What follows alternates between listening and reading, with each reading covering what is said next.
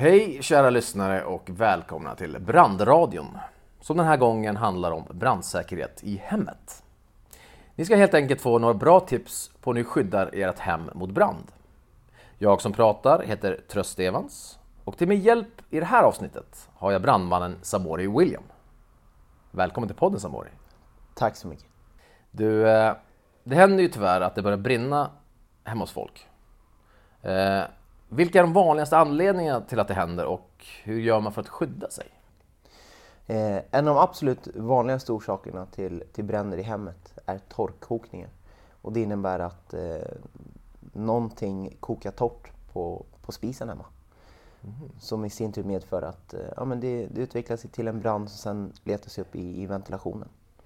Så det är en av de absolut vanligaste orsakerna till, till bränder i hemmet. Som liksom startar i köket. Mm. Eh, det man kan göra för att skydda sig mot torrkokningar är att man, man kan installera något som heter spisvakt. En spisvakt innebär att man eh, egentligen får hjälp med att stänga av plattan. Mm. Så det som händer är att man, det är en ganska enkel inkoppling när det kommer till en spisvakt. Eh, många äldre har en spisvakt installerat. Men ställer man någon form av tid eller hur funkar det? Nej, utan den sker per automatik, lite beroende på vad det är för tillverkare. Men det som händer är att man kopplar in den här spisvakten mellan eluttaget bak och spisen. Och sen har man en liten kontrolldosa som sitter någonstans vid fläktutrymmet. Mm. Det som händer är att ja, det finns en tidsintervall, eh, kan ligga på ungefär ja, 20 minuter, en kvart, 30 minuter där någonting. Efter 15, 20, 30 minuter så börjar det pipa. Och är det så att man inte aktivt trycker på den här lilla kontrolldosan så stängs spisen av. Som gör att man skyddar sig mot torrkokningar bland annat. Okay, okay. Finns även en enkel timer som man kan ställa in. Mm. Eh, och det är en helt vanlig timer. Man trycker på timern när man ska använda spisen. Och så kan det vara liksom en tidsintervall på 30 minuter. Mm. Och är det så att man inte trycker igen så stänger den av elen till spisen.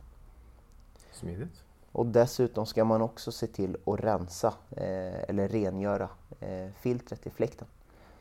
I och med att det kan sprida sig upp i fläkten. Eh, mycket oljor och lite sådana saker som är kvar i, i fläkten. Liksom. Så, mm. så, det är bra att rensa, göra rent. Ja, det, det, samlas över tid. Samlas över tid. Mm. En jättevanlig orsak är även eh, el. Eh, när det kommer till all typ av el. Eh, man kan aldrig säga att man är helt säker när det kommer till el.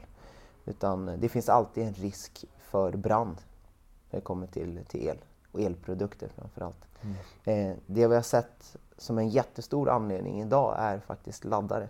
Och det är laddare av alla möjliga typer. Alltså allt från dataladdare till mobilladdare till hoverboard-laddare och lite sådana saker. Mm. Och det man ska tänka på där är att om du inte laddar din produkt så ska du dra ut laddaren ur eh, vägguttaget. Ska alltså dra ut stickkontakten ur vägguttaget. Det är jätteviktigt. Så att den inte är kvar i vägguttaget när man har dragit ut den produkten, den mobiltelefonen man har laddat. Liksom, så att den får sitta kvar. Mm. Så det är jätteviktigt. Och det gäller alla typer av laddare.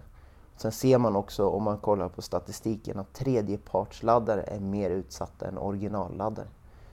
Så det är ju ja, så. Är det, det är de billiga man kan köpa som inte är original så att säga, eller? Precis, okay. det som inte är original. De är oftast lite billigare. Man kan köpa dem hos alla möjliga typer av återförsäljare. Men har man till exempel eh, ja, en produkt så ska man ladda den produkten med, med originalladdaren okay. som tillhör den produkten. Kostar lite mer, men det är lite säkrare. Helt säker kan man ändå inte vara, men det är lite säkrare. Mm. Så det ska man tänka på. Just. Eh, en annan anledning till just eh, bränder i hemmet eh, är levande ljus. Levande ljus är en jättestor anledning till, till bränder i hemmet och framförallt när det kommer till, till hösten, vintern, då har vi en tendens att tända lite mer ljus i våra hem. Mm. För att vi vill ha det lite mysigare och under vintern vet vi att det är första, andra, tredje och fjärde advent och lite sådana saker. Eh, och nu finns det ju hjälp att få i form av självslocknande ljus. Mm. Jättebra. De är lite dyrare men eh, de slocknar per automatik när har brunnit färdigt. Eh, man har även elljusstakar nu för tiden som går på el mm. istället för att man tänder liksom en låga. Eh, och sen lite beroende på, men placeringen av ljusen är också jätteviktigt. Så att man inte placerar de här ljusen i närheten av något annat som är brännbart. Okay. Superviktigt att tänka mm. på. Och framförallt, jag tänker på, nu är det en bit kvar till, till julen, men eh, under julen och framförallt när det börjar närma sig tredje, fjärde advent så vet man hur ljusstaken ser ut. Att det där första adventsljuset som man tände en gång i tiden, det har ju brunnit ner. Och har man då någonting som är brännbart i botten på den här ljusstaken så, mm. så kommer det att ta fart. Okej, så man måste tänka på det också, hur ljusstaken är byggd och formad? Liksom. Precis, hur ljusstaken är byggd och mm. formad mm. och vad man har för material. Mm. Framförallt när det kommer till adventsljusstakar så kan man tänka på vad man har för typ av material, om man har mossa eller om man har något som inte är brännbart mm. i botten. Sen även placeringen av själva ljusen som man placerar ut. Det gäller att vara försiktig. Det gäller att vara försiktig. Ja. Har vi något mer, någon mer vanlig anledning? Jag vet att man har ju pratat mycket om rökning. Ja, alltså det stämmer. Eh, och det var en, en jättestor anledning för, ja, säg 20 år sedan. Så var det nästan den största anledningen till bränder i hemmet. Men mm. eh, man kan väl säga att det, det har lite med en generationsfråga att göra också. Att det inte är lika många som röker i hemmet. Mm. Man får inte alltid röka i sina egna hem heller. Eh, så det är väl en jättestor anledning till att det har minskat. Men just det här med att röka i hemmet och framförallt sängrökning är fortfarande en anledning till, till bränder i hemmet. Mm. Och där gäller det att ha en rutin. Och framförallt om man kanske känner folk som, som man vet röker i hemmet. Kanske går och, ja, kanske röker, tänder en cigg precis innan man ska gå och lägga sig till exempel. Och se till att man har en rutin mm. så att man vet att, att det verkligen slocknar. Om man har något vattenglas eller något liknande istället för att ha en vanlig askkopp. Mm. Så det gäller att hålla koll och vara uppmärksam. Ja, men det bästa skyddet kanske är just där är väl att sluta röka kanske? Precis, det är den absolut bästa lösningen. Absolut. Hör du, eh, men om olyckan nu ändå är framme, eh, vad är viktigt att ha hemma då? Precis, alltså om olyckan är framme så, så kan man ju säga att en av de, de sakerna som vi trycker på allra hårdast är att man upptäcker att det har skett någonting i tid. Mm. Och då pratar man om att ha en brandvarnare hemma. Eh, och det är egentligen det, det hårdaste kravet vi har. För man har sett att om man upptäcker en brand i tid, när branden fortfarande är liten, så kan man göra väldigt mycket för att påverka liksom, eh, det här förloppet. Mm. Så man kan egentligen släcka av den här branden helt själv utan att ens ringa om hjälp om mm. det är så att man upptäcker när den fortfarande är liten. Men då behövs en brandvarnare. Så det är det absolut viktigaste hjälpmedlet man kan ha. Eh, och där har man också, man säger att man ska ha en brandvarnare per 60 kvadrat. Eh, bor man till exempel i ett radhus eller en villa som har flera våningsplan, till exempel två våningsplan, så ska man ha en på varje våningsplan. Mm. Men sen brukar jag också säga att eh, när man håller utbildningar och lite sådana saker brukar man få frågan att i vilket rum ska jag helst placera min brandvarnare? Och då brukar vi säga att så centralt som möjligt för vi vet inte vart det kommer att börja brinna. Ja, Men helst av allt, och det är bara en, en rekommendation, absolut inget krav på något sätt. Helst av allt så, så kan man ju ha en brandvarnare i varje rum faktiskt. Mm. I och med att man inte vet vart det kommer att börja brinna. Mm, Men annars är det 60 kvadrat per brandvarnare. Alternativt på varje våningsplan. Ja, det är ett väldigt bra tips. Men jag tänker, många brandvarnare har ju ett batteri som ibland behöver bytas. Eh, inte alla brandvarnare, men eh, de vissa vanliga kanske.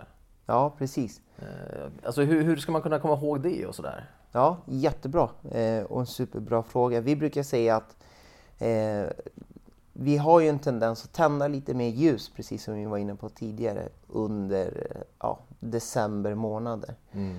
Så vi har kring den första advent brukar vi ha som en så här äh, byta batteri brandvarnardagen. Ehm, och trots att jag vet att rekommendationen ligger på lite beroende på vad man har för typ av brandvarnare. För det kan vara en tioårsintervall på batteriet eller något liknande. Mm. Så brukar vi ändå rekommendera att man byter batteriet i brandvarnaren en gång per år. Och vi brukar gå ut med information eh, via våra olika ja, kanaler eh, och informera om att nu är det dags att byta batteri i brandvarnaren. Mm. Men den första advent varje år så kan man ha som rutin att man, man byter batteriet i brandvarnaren. Dock är det så här att man, det är många som frågar just med tanke på att man, man någon gång har hört den här brandvarnaren, att den börjar tjuta. Det låter som ett fågelkvitter och man går runt och letar fåglar istället för att ja, Mm. eh, hitta anledningen till varför det tjuter. Men det är ju så att en brandvarnare ger ifrån sig ett ljud om det är så att batteriet börjar ta slut. Eh, så det är också en indikation för att man ska byta batteri i brandvarnaren om den börjar pipa. Eh, och man brukar säga att rekommendationen är att man kollar sin brandvarnare ungefär en gång per månad. Och det gör man genom att trycka på en liten knapp som sitter någonstans på den här brandvarnaren. Ofta sitter den på, om man har den monterad i taket, då, eh, så sitter den liksom på, på undersidan så att man ser den om man tittar upp på den här brandvarnaren. Och knapparna ser lite olika ut. Men eh, en rekommendation är att man går hem och, och tar sig en titt på sin brandvarnare. Och sen att man testar att trycka på den här knappen som finns någonstans på den här brandvarnaren. Trycker man på knappen så ger brandvarnaren ifrån sig ett ljud. Den tjuter en till tre gånger. Och det är en indikation för att den är okej. Okej. Ja men det är bra. Man kan kolla att den fungerar verkligen. Precis. Och sen är det också så här med brandvarnare att eh, placeringen av brandvarnare brukar man också få en fråga om.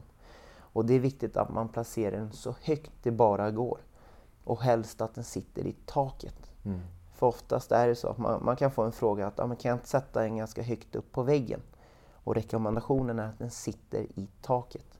För att sitter den i taket och sitter den så högt upp det bara går så kommer den att indikera mycket tidigare. I och med att varm rök stiger och den stiger alltid mot den högsta punkten. Så det är jätteviktigt att den sitter så högt upp som möjligt och att den är placerad i taket för en tidig upptäckt. Du, eh, du pratade om eh, just det här med att fördelen med brandvarnare är att det upptäcks tidigt. Eh, och med att man kanske då kan släcka själv. Vad kan man ha för hjälpmedel för att släcka en liten brand hemma? Precis, alltså är det så att den här branden har blivit lite större så att man känner att ah, nu, nu vet jag inte om jag kan hantera det här eller inte. Så har vi en rekommendation och det är endast en rekommendation, det är ingen lagkrav eller något sånt utan vi rekommenderar att man har en 6 kilos pulversläckare i hemmet. 6 kilo pulver. Och jag vet att det finns många olika typer av, av brandsläckare. Men rekommendationen i hemmet är pulver. Och det är 6 kilo som gäller.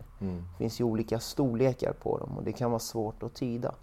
Eh, men 6 kilo, då, då är man ganska stark. Och då kan man Förmodligen kan man släcka en liten brand med en 6 kilos pulversläckare. Kan man inte det så har man åtminstone vunnit tid. Vunnit tid för att eventuellt kunna ta sig ut ur sin egen lägenhet där det har börjat brinna till exempel. Och, och få med sig familj om man har det hemma och lite sådana saker. Så det är en rekommendation. Vad är det som är så bra med pulver? Pulver, eh, det är en, alltså om man går in på lite så här tekniskt eh, utan att, att prata för mycket så är det en ABC-släckare. Det innebär att den kan hantera allt. Eh, den kan hantera fibröst, vätska, gas, el. Den släcker av allt.